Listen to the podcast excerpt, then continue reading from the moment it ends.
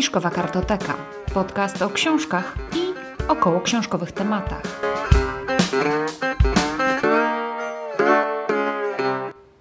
Cześć. Ja jestem Monika, a ty słuchasz podcastu Fiszkowa Kartoteka. Dzisiaj chciałam opowiedzieć Wam o książce Nigdzie Indziej. Autorem tej książki jest Tommy Orange. Książkę przetłumaczył Tomasz Teschner z języka angielskiego, a wydało ją wydawnictwo Zyski Spółka.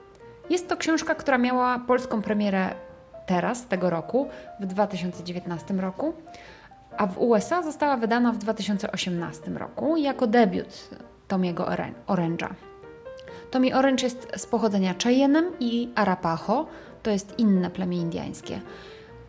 I ta książka, ten jego debiut, był finalistą nagrody w Pulitzera w 2019 roku. Jeżeli chcecie dowiedzieć się więcej na temat tej książki, jeżeli chcecie się dowiedzieć, co ja o tej książce myślę, to serdecznie zapraszam do słuchania dalej. Książka Nigdzie Indziej Tomiego Oręża jest napisana w formie krótkich rozdziałów, z których większość z nich to historie opowiedziane z punktu widzenia różnych osób. Tylko dwa rozdziały są rozdziałami eseistycznymi tak bym to nazwała, takie eseje krótkie wprowadzające do poszczególnych części. Chciałabym przeczytać Wam fragment pierwszego eseju, który otwiera całą książkę, bo on bardzo wiele mówi o treści książki i o tym, jakie tematy ta książka będzie poruszała. Mówili, że jesteśmy zmieszczaniałymi, powierzchownymi, nieautentycznymi i pozbawionymi własnej kultury uciekinierami. Jabłkami – Jabłko przecież ma czerwoną skórkę, ale w środku jest białe. Tak naprawdę jesteśmy dziś jednak wynikiem tego, co zrobili nasi przodkowie, tego w jaki sposób udało im się przetrwać.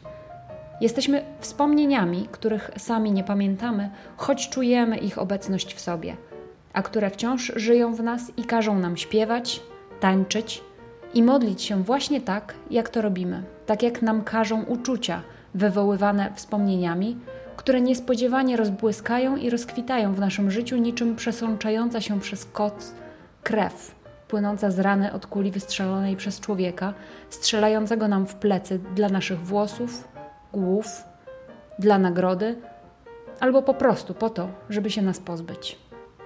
Wszystko to nie jest osadzone w naszej tradycji, tak jak nie są osadzone w niej rezerwaty. Nic jednak nie jest pierwotne i oryginalne. Wszystko wywodzi się z czegoś, co było wcześniej, z czegoś, co kiedyś też nie istniało. Wszystko jest jednocześnie nowe, a zarazem skazane na zapomnienie. Dziś przemierzamy więc autobusami, pociągami i samochodami wielkie równiny z betonu. Jeździmy ponad nimi, a nawet pod nimi. W byciu Indianinem nigdy nie chodziło o to, by wracać do swej ziemi. Ta ziemia jest wszak wszędzie lub nigdzie.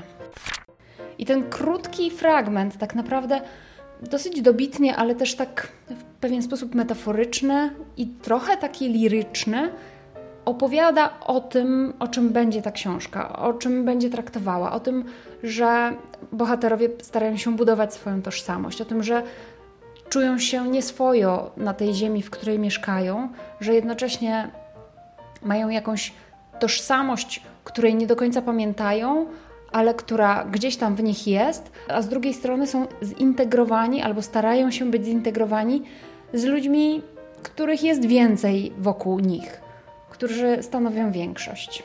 Tak jak wspominałam, książka jest napisana w formie krótkich rozdziałów.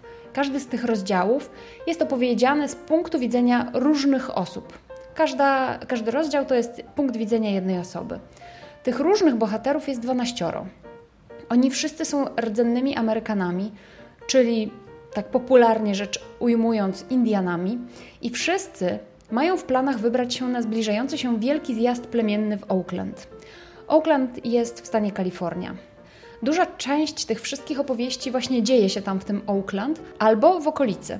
Poza tymi punktami wspólnymi tak naprawdę wiele te osoby różni.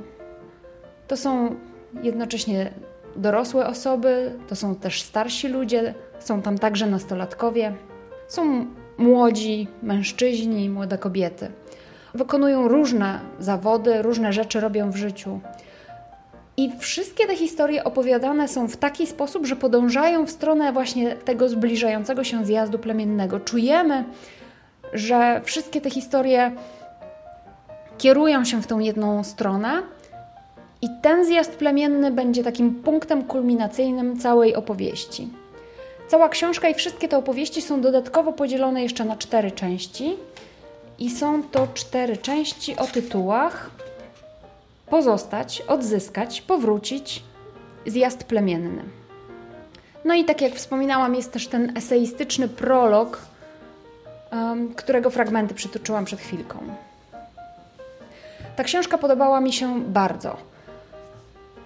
I ja o tym już wspominałam na Instagramie. Jeżeli mnie obserwujecie, to, to prawdopodobnie już widzieliście ten filmik, w którym wyrażałam swój zachwyt nad tą książką, bo jest naprawdę fenomenalna, jest świetnie napisana, jest świetnie skonstruowana.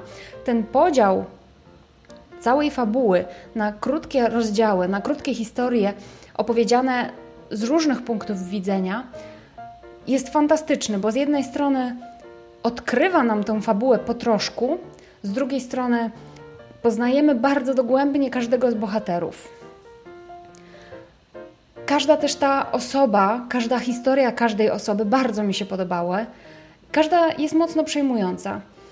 Jest na przykład najmłodszy bohater całej opowieści, Orville Czerwone Pióro, który jest wprawdzie wychowywany przez babkę Indiankę, ale tak naprawdę nigdy nie był wychowywany w takiej kulturze, tradycyjnej kulturze Indian. On nie wie, co to znaczy tradycja Indian, nie wie, kim są Indianie, nie wie, co to znaczy kultura india, indiańska. Dopiero w wieku kilkunastu lat szuka w internecie, co to znaczy być Indianinem. Jest tam taka scena właśnie, w której wpisuje w wyszukiwarkę, co to znaczy być prawdziwym Indianinem. Jest to dosyć takie przejmujące, kiedy szukasz własnej tożsamości w internecie. E, natomiast coś go ciągnie do tego, do tego świata Indian, coś go ciągnie do tej kultury i tradycji.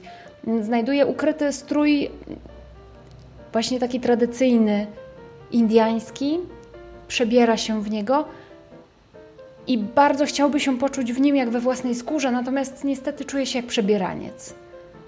To jest też bardzo przejmująca scena. E, jest tam też bohater, na przykład tak e, nazwany Tony Samotnik, który z kolei choruje na alkoholowy zespół płodowy.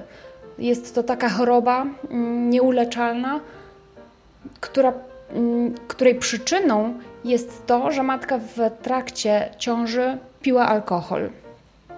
Nie da się tego wyleczyć. Jest to też taki zespół, który jest widoczny, bo charakteryzuje się jakimiś pewnymi zmianami w wyglądzie twarzy. E, I Tony Samotnik jest samotnikiem, ponieważ tak naprawdę czuł się jakby dwukrotnie wykluczony. Przede wszystkim czuł się wykluczony właśnie przez ten alkoholowy zespół płodowy, bo on był widoczny i ludzie się z niego śmiali, bo wyglądał i też troszeczkę zachowywał się jak upośledzony. A plus dodatkowo jeszcze to, że był Indianinem, czyli miał wyraźne cechy odróżniające go od większości rówieśników. Dlatego jest tonym samotnikiem. Jest także Edwin, e, który pomimo wykształcenia na wyższej uczelni nie ma pracy, nie może dostać żadnej pracy. Mm, całe dnie spędza zamknięty w pokoju, grając na komputerze i jedząc. I to wszystko skutkuje otyłością, brakiem wiary w siebie, jest cały czas zależny od matki. I w trakcie opowieści dodatkowo jeszcze szuka swojego ojca, którego bardzo chciałby poznać, a do tej pory go nie zna. Jest też Jackie, czerwone pióra, która swoją pierwszą córkę oddała do adopcji, ponieważ ciąża, w którą zaszła Jackie, była wynikiem gwałtu. Drugą córkę z kolei pochowała nie tak dawno, ponieważ tamta popełniła samobójstwo. Teraz sama Jackie stara się dochować trzeźwości, bo też ma problem z alkoholem i powrócić do dzieci swojej zmarłej córki i współuczestniczyć w ich wychowaniu, w wychowywaniu swoich własnych wnuków. Są historie z narkotykami w tle, są historie właśnie z bezrobociem, z trudną tożsamością, naprawdę najróżniejsze historie. I one wszystkie bardzo dobrze pokazują tą trudną historię natywnych Amerykanów, tych rdzennych mieszkańców Ameryki, którzy zostali wytrzebieni przez białą rasę, którzy zostali zapędzeni do rezerwatów przez białą rasę, którzy mieli być zintegrowani z większością mieszkańców Stanów Zjednoczonych, to znaczy właśnie z białą rasą. I teraz w tym momencie nie wiedzą, czy są biali, czy są Indianami, nie potrafią znaleźć swojej własnej tożsamości. I ta książka według mnie jest właśnie o tym, o tym ciężkim odnajdywaniu siebie, o tym, że Indianie nie czują się wcale ani sobą, ani tradycyjnymi, natywnymi Amerykanami, ani nie czują się białymi. Są już gdzieś pomiędzy tak naprawdę. Nie mogą się tak zdefiniować jakoś jednoznacznie. Jest też świetny cytat e, na ten temat. Ciągle czułam się biała, podczas gdy wszędzie tam, gdzie się pojawiłam, byłam traktowana jak każda inna osoba o brązowym kolorze skóry. Jest tu też taki cytat o tym, o pewnych przyczynach wielu tych nieszczęść, które się dzieją. Jestem tutaj po to, aby opowiedzieć Wam o tym, że całe nasze podejście od samego początku było właśnie takie. Dzieciaki wyskakują przez okna płonących domów, spadają i znajdują śmierć, a my myślimy, że problem tkwi w tym, że skaczą. Oto co robiliśmy do tej pory. Próbowaliśmy wynajdywać różne sposoby, aby je przed tym powstrzymać, przekonać je, że lepiej spłonąć żywcem niż wyskoczyć kiedy robi się już tak gorąco, że nie mogą tego dłużej wytrzymać. Zabijaliśmy okna deskami i zakładaliśmy coraz mocniejsze sieci, żeby je łapać. Wynajdywaliśmy coraz bardziej przekonujące sposoby na to, aby im powiedzieć, żeby nie skakały. One jednak wciąż podejmują decyzję, że lepiej być martwym i odejść z tego świata, niż wieść to życie, jakie mamy tutaj. Życie, jakie im zgotowaliśmy i jakie po nas odziedziczyły. To jest książka, która jest pełna takich historii, jest fantastyczna, a jednocześnie jest napisana w taki sposób, że się chce czytać dalej. Jeśli chodzi o wizualną stronę książki, to ja się bardzo cieszę, że została zachowana oryginalna okładka, czyli taka okładka, z jaką książka została wydana w Stanach Zjednoczonych. Plus dodatkowo jest to okładka twarda, to jest kolejna zaleta. No i jest tu obwoluta, chociaż ja akurat nie rozumiem idei obwoluty, tym bardziej, że jest taka sama jak, jak okładka twarda. Nie znam też oryginału, natomiast język przekładu jest bardzo dobry, więc ja panu Tomaszowi Teschnerowi bardzo gratuluję, bo bardzo dobrze wykonał pracę. Nie ma tutaj żadnych literówek, błędów gramatycznych, przynajmniej ja na nie nie, nie natrafiłam, co według mnie oznacza bardzo dobrą pracę zespołu korektorskiego. Poza tym na plus Zaliczę także grafiki wewnątrz książki, które nawiązują do kultury Indian i są przyjemnym urozmaiceniem dla tekstu. Mnie książka podobała się bardzo i polecam ją wszystkim, którzy lubią opowieści o osobach wykluczonych z różnych powodów, o odnajdywaniu swojej tożsamości. Polecam tę książkę również dla tych, którzy lubią czytać o historii USA, bo to jest taka troszeczkę chowana pod dywan historia, a w każdym razie część, część historii Stanów Zjednoczonych. Jest to świetna książka także dla osób które ciekawią książki nominowane do dużych nagród literackich, ale także dla tych, którzy lubią historie trzymające w napięciu.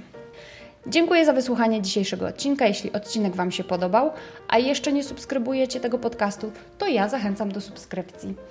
W ten sposób żaden kolejny odcinek Was nie ominie. Zapraszam na mój profil facebookowy oraz instagramowy, bo tam możecie zobaczyć książki, które czytam. Na wszystkich kanałach zapraszam Was do komentowania i dajcie znać, czy czytaliście książkę nigdzie indziej, a może zamierzacie przeczytać ją. Zapraszam także do słuchania mojego drugiego podcastu Lubię Wiedzieć, bo tam mówię o różnych ciekawostkach. Do usłyszenia. Cześć!